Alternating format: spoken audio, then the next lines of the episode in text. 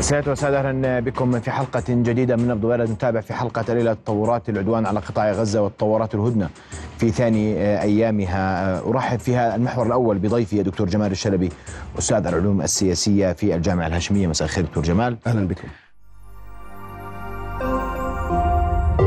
رؤيا بودكاست. قبل أن أبدأ معك الحوار أذكر في أن آخر الأخبار تتحدث عن أن القسام أعلن تأجيل تسليم آه، الرهائن والمحتجزين لديه آه، آه، لحين التزام الاحتلال بكافة تفاصيل الهدنة ووزارة دفاع الاحتلال أكدت أنه إذا لم يتم التسليم قبل منتصف الليل فسيكون هناك تطورات أو وقف للتهدئة والهدنة التي أعلن عنها آه، أول أمس. أيضا آه، قوات الاحتلال تهاجم في هذه الأثناء وتحاصر مستشفى ابن سينا في جنين وتقتحم مدينة جنين وسط مقاومة من قبل المقاومين هناك وتبادل لإطلاق النار. دكتور جمال مساء الخير. أهلا بكم. أهلا بك. دكتور جمال التعليق على آخر الأخبار حقيقة موقف القسام الذي يعلن وقف تسليم تأجيل تسليم الرهائن آه، اليوم لحين التزام الاحتلال بشروط التهدئة وتحديدا موضوع المساعدات الإنسانية ووصولها إلى شمال القطاع. هذا يؤكد ما كنا نقول دائما بأن المقاومة تتحدث وتتفاوض من من من عنصر قوي بمعنى آخر هي التي تفرض إرادتها. موقف قوة. موقف قوة. وبالتالي عندما تقول أننا سنوقف وهي على حق عندما كانت تدرك بأن الإسرائيليين لا يحترمون آه، كل تعهداتهم حتى لو كان آه، الوسيط القطري الذي لديه علاقات جيدة مع إسرائيل أو المصريين الذين يلعبون دور مهم أو حتى الأمريكان. فبالتالي قضية التوزيع الأعداد بهذا الشكل يدل على فطنة القيادة في آه، المقاومة وإدراكها الطبيعي بأن إسرائيل في لحظة ما تحاول أن تعيق لتثبت بأن هي لديها اليد الطولة في هذا الملف نعم لكن هل تعتقد أن هذا هذا التصعيد إن صح التعبير سيصل إلى نتيجة إيجابية أم أنه سيتجه باتجاه آخر أي عودة المعارك لقطاع غزة؟ آه، لا أعتقد أنه سيتصاعد أكثر من ذلك لأن هناك في رغبة حقيقية لدى الطرفين في حقيقة الأمر سواء آه، حماس أو إسرائيل زائد أن هناك في مظلة دولية تتبناها الولايات المتحدة الأمريكية والاتحاد الأوروبي بشكل غير مباشر إضافة إلى الوسطاء. يعني اليوم إذا لم تنجح الوساطة القطرية وهي دولة لديها باع طويل ولديها إمكانيات هائلة ولديها علاقات مع الطرفين إن لم تنجح متى ستنجح؟ فبالتالي أعتقد هذا سيؤدي إلى ربما إلى مواجهة ليس لا أحد يرغبها ولا أحد يريدها. فبالتالي أعتقد أن هذا جزء من العملية. أعتقد الوسطاء سيتدخلوا مرة أخرى. هناك رغبة وهناك ضغط طبيعي أمريكي من أجل إنهاء هذا هذا الملف لأنه القضية بالنسبة لإسرائيل ليس فقط آه، فلنقل ضغوطات خارجية سواء أمريكية أو أوروبية أو ما شابه ذلك، هي لا تنظر إلى هذا الأمر بشكل مباشر ولكن أعتقد الضغوطات الداخلية هي الأهم. وربما آه، كما قلت محاولة إبراز أن هي لها اليد الطولى في في الملف ال- الأسرى هي هو الأساس في هذه العملية. لكن هذا يتزامن مع حديث مصادر مصرية آه، بعد عصر اليوم عن أن الهدنة قد تمدد. بالتأكيد أنا أعتقد يعني بين تمديد الهدنة وبين ما يحدث الآن. الهدنة هذه هذا هذا هذا هذه نافذة صغيرة من أجل الوصول إلى ال- وايقاف الحرب بشكل كامل، أعتقد هناك في نوافذ أخرى، وهذه النوافذ متمثلة بهدن قادمة قد تمتد يومين ثلاثة وهناك في شرط حقيقة داخل الاتفاق أنه كلما أسرعت حماس بتقديم أو بالسماح بخروج عشرة سيتم إعطاء يوم إضافي، فأعتقد أنه لدى حماس على الأقل لديها عدد من الرهائن والأسرى على الأقل المدنيين من أطفال ونساء تستطيع أن تستبدلهم، وبالتالي أظن أن هذه الهدنة ربما تكون البداية ولكن ليس النهاية. قبل قليل تعرضت لقصف من قبل الحوثيين والحديث عن صاروخين على الأقل. استهدفا إيلات مساء اليوم وهذا لم يؤكد بعد المؤكد فقط صواريخ تطلق باتجاه إيلات ولا معلومات عن عدد الصواريخ باستثناء ما يرد عن صاروخين اعترضا وفق حديث وزارة الدفاع وزارة دفاع الاحتلال. والحوثيون اليوم يخرجون عن إطار التهدئة ويقولون الهدنة تشمل كل شيء إلى البحر الأحمر. يعني أنا أعتقد أنه الموقف اليمني والحوثيين هو موقف قومي وطني وربما هذا التدخل وهذا الدور اليمني غير المتوقع في ضرب آه، ليس فقط إيلات وأيضا ضرب السفن التي تمر عبر واليوم تم احتجاز السفينة. واحتجاز سفينه قبل أسبوع واليوم في ضرب أيضا في المحيط الهندي.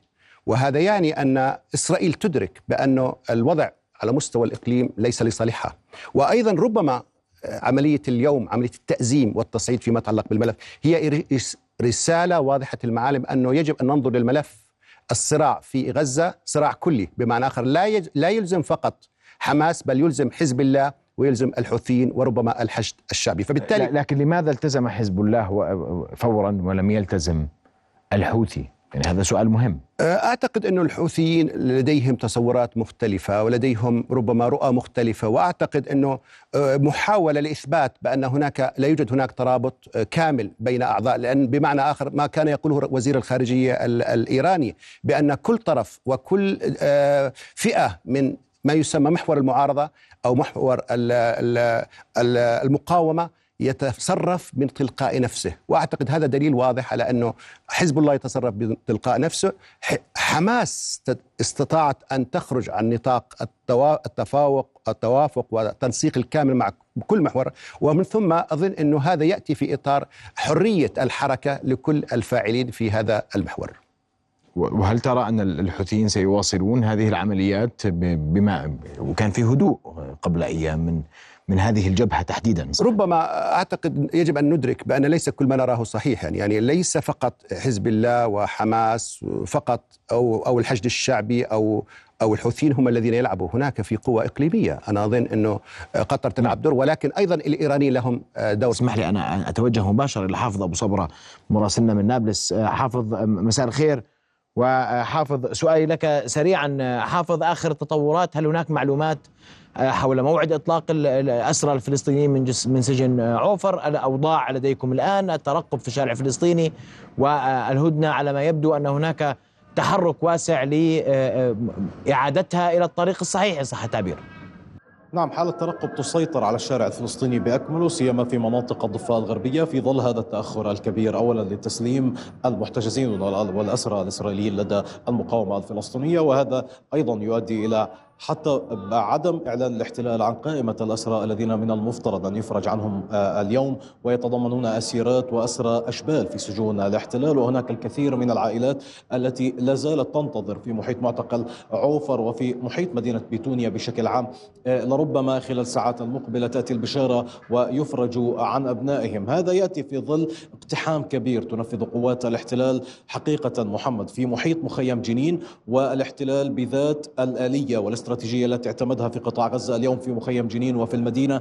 يستهدف المستشفيات من بين خمسة مستشفيات في مدينة جنين واحدة فقط هي القادرة على استقبال الإصابات وقالت أنها استقبلت ثلاثة إصابات بينها واحدة حرجة جدا في ظل استمرار الاشتباكات المسلحة واستهداف الاحتلال بالعبوات الناسفة في محيط المدخل الرئيسي بالتحديد للمدينة. الاحتلال محمد وبشكل سريع يحاصر المستشفى الحكومي مستشفى ابن سينا مستشفى الهلال الأحمر ومستشفى الأمل. هذه المستشفيات الأربعة يحاصرها من كافة المداخل الفرعية والرئيسية يمنع مركبات الإسعاف من الخروج من هذه المستشفيات لتلبية نداء واستغاثة المواطنين الفلسطينيين سيما في منطقة حارة الدمج في ظل الحديث عن عدد من الإصابات برصاص قناصة الاحتلال الذين يتوزعون في أكثر من بناية مرتفعة في محيط مداخل المخيم الرئيسية والفرعية. الاقتحام كبير وفقا لما حدثتنا به المصادر المحلية قوة كبيرة من جيش الاحتلال اقتحم اقتحمت المحيط المخيم وشوارع في أحياء المدينة في محيط المخيم عبر حاجز الجلمة وفتحة المجيبلة في الجدار الفاصل بين جنين والداخل المحتل ويتواصل الدفع بتعزيزات عسكرية. هذه المرة ترافقها أيضا جرافة دي 9 عسكرية. ستعمل وفق المصادر المحلية في المخيم على تخريب المزيد من الشوارع والبنية التحتية إضافة لما خربته خلال 12 اقتحام منذ السابع من أكتوبر. الأوضاع متوترة بوتيرة متصاعدة ولكن التصدي من قبل المقاومين كبير وكبير جدا في أكثر من محور والعبوات الناسفة ما زالت تنفجر وأصواتها مسموعة في محيط مخيم جنين بين الفينة والأخرى. نعم. سأعود لك حافظ في إطار هذه التغطية المتواصلة ل للاطلاع على كل ما هو جديد. أشكرك حافظ. أسمع تعقيبك على ما أورد اسامه حمدان دكتور جمال. وعلى ما نتابع من مزيد من آه، العدوان على على الضفة الغربية في ظل التهدئة على قطاع غزة. وواضح أن حماس تريد إدخال المساعدات إلى شمال القطاع والتزام الطرف الآخر بالتهدئة بكافة تفاصيلها. صحيح. يعني أنا لا أعتقد أنه هناك شيء كبير وكثير آه، وعميق في هذا اللقاء. لكنه أعطى شكل من أشكال الثقة الثقة بالذات بالقوة بالله في مواصلة القتال لآخر لحظة. أعتقد هذه رسالة للجميع. اثنين هناك ثقة بالوسطاء. يعني قطر ومصر لا يمكن لهم أن يدخلوا في سياق إيجاد هدنة بعد خمسين يوم مع آه، كيان صهيوني نازي يريد تدمير الحجر والشجر والبشر. لا يمكن أن يقبل أن يكون هناك أي خلل أو أي محاولة للمس بهذا الاتفاق. وثالثا هناك في ثقة بالرأي العام. أظن أنه وهذا هو المطلب الذي جاء به السيد حمدان أنه يطلب من الجميع أن ينزلوا إلى الشوارع وهذا يدل على الفاعلية ويدل على أن الرأي العام استطاع أن يقوم بدوره في, تش في, في كشف وتعرية الوجه القبيح لهذه الدولة الصهيونية. ورابع شيء أعتقد أن الدعم الإنساني والدعم آه، الطبي والوقود. هذه أشياء تساعد المقاومة وتساعد الإنسانية في حماس. وخامس شيء أنا بعتقد الملاحظة أنه نحن بحاجة إلى دعم سياسي وربما هذه الرسالة في في شكر آه، العالم والعالم العربي والإسلامي ودول أمريكا اللاتينية التي سحبت السفراء وربما قطعت العلاقات. زائد الشكر المخصص لدولتي بلجيكا وإسبانيا يدل على أنه هذا هذا الإحساس بالدعم النفسي الشعبي الرسمي أعتقد أنه كان مهما في استمرارية وفي قوة آه، الموقف حماس. نعم. وبالتالي أعتقد أنه يعني لا شيء جديد باستثناء الشيء الجديد هو أنه أراد أن يؤكد على ما هو مؤكد وأن يقول بأن الهدنة ما زالت مستمرة. رغم بعض الخروقات هنا أو هناك. ولكنها تنتظر تنفيذ الطرف الآخر آه، تعهداته. ما في مشكلة. المفاوضات عادة طويلة وشاقة. وتنتابها الكثير من يعني المد والجزر لأسباب آه، خاصة ولكن دور الوسيط هو الذي يحدد مدى فعاليتها ومدى نجاحها. طب بسؤال سريع برأيك أين تتجه الأمور؟ آه، آه، أنا هل من تمديد للهدنة؟ ما في مجال ما في هلا إسرائيل تريد إثبات أنها قوية سواء أمام جيشها الذي تم هزيمته في 7 أكتوبر أو أمام شعبها لأنها حددت ثلاث أهداف، الهدف الأول هو تصفية حماس وتفكيك قوتها، وثالثا تحرير الرهائن. لم يحدث شيء. لم يمس ولم يحقق أي هدف، فبالتالي هي تحاول أن تبرز أنها قوية وأنها تختار التوقيت. ولكن ولكن ولكن بس في هذا الإطار. هم هم هم حديثهم على أقل تقدير إنه والله هاي الرهائن الصفقة ما صارت تولد الاقتحام البري لقطاع غزة رغم أن الصفقة وضعت على الطاولة من حماس في اللحظة الأولى. أخي الهدنة وأعتقد صفقة الرهائن لم تبدأ. قضية الرهائن النساء والأطفال هذه ليست مشكلة. أنا مشكلتي مع القيادات الكبرى الجنرالات الضباط الكبار.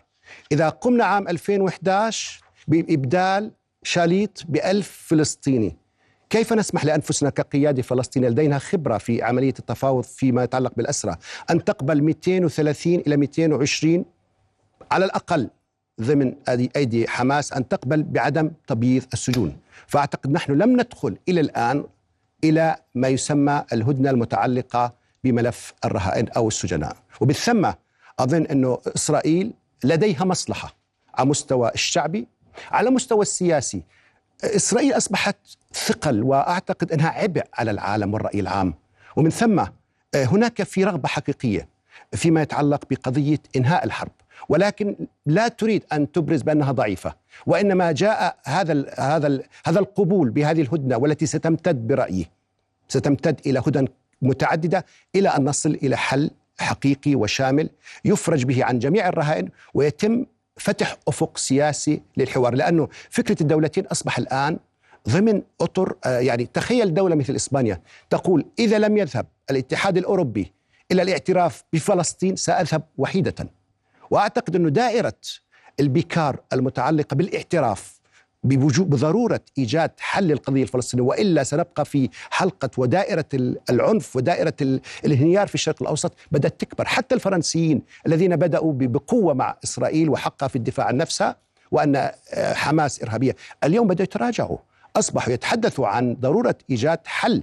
وأيضا من هذا المنطلق أنا أقول أنه العالم العربي يتحرك ببطء باستثناء الأردن ومصر.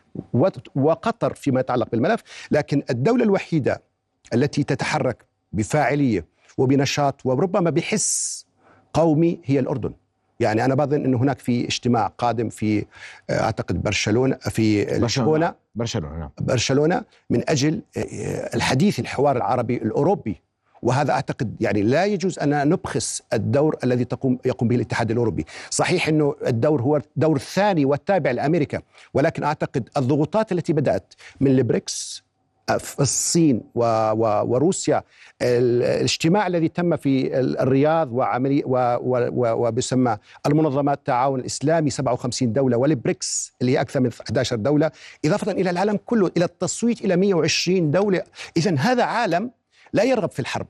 يريد أن يقول لا لإسرائيل. هذه ليست دولة خارج ليست فقط دولة يعني الدولة المدللة في النظام الدولي. من اليوم نجد أن أمريكا حتى داخل الولايات المتحده الأمريكية هناك في ردود أصبحت تشكك في القرار الأمريكي تشكك في النتائج المستقبلية على موقع وموقف العالم من أمريكا. فبالتالي هناك في فوضى تجاه إسرائيل بمعنى آخر أنه يريد أن ينهوا هذا الموضوع تماما ومن ثم لا أحد يقبل بأن تكون هدنه واحدة، اليوم العالم يتجه نحو عملية سلام ربما تطول ولكن بالنهاية الحرب ان تتوقف لأنه البعد الإنساني والصور المتناقلة ومن ثم أقول أنه بوجود صمود ومقاومة فلسطينية 50 يوم بوجود رأي عام أصبح يتحرك في إطار ليس الإعلام الرسمي بل بل عبر ال social media بوجود تحول في القيادات الغربية والأوروبية وحتى في آه، داخل عقر آه، واشنطن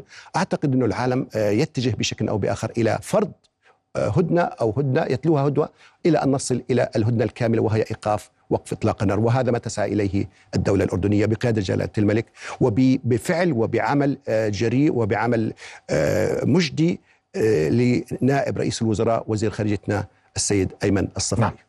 أشكرك كل الشكر أستاذ العلوم السياسية في الجامعة الهاشمية دكتور جمال الشلبي. أشكرك على وجودك. معنا رؤيا بودكاست.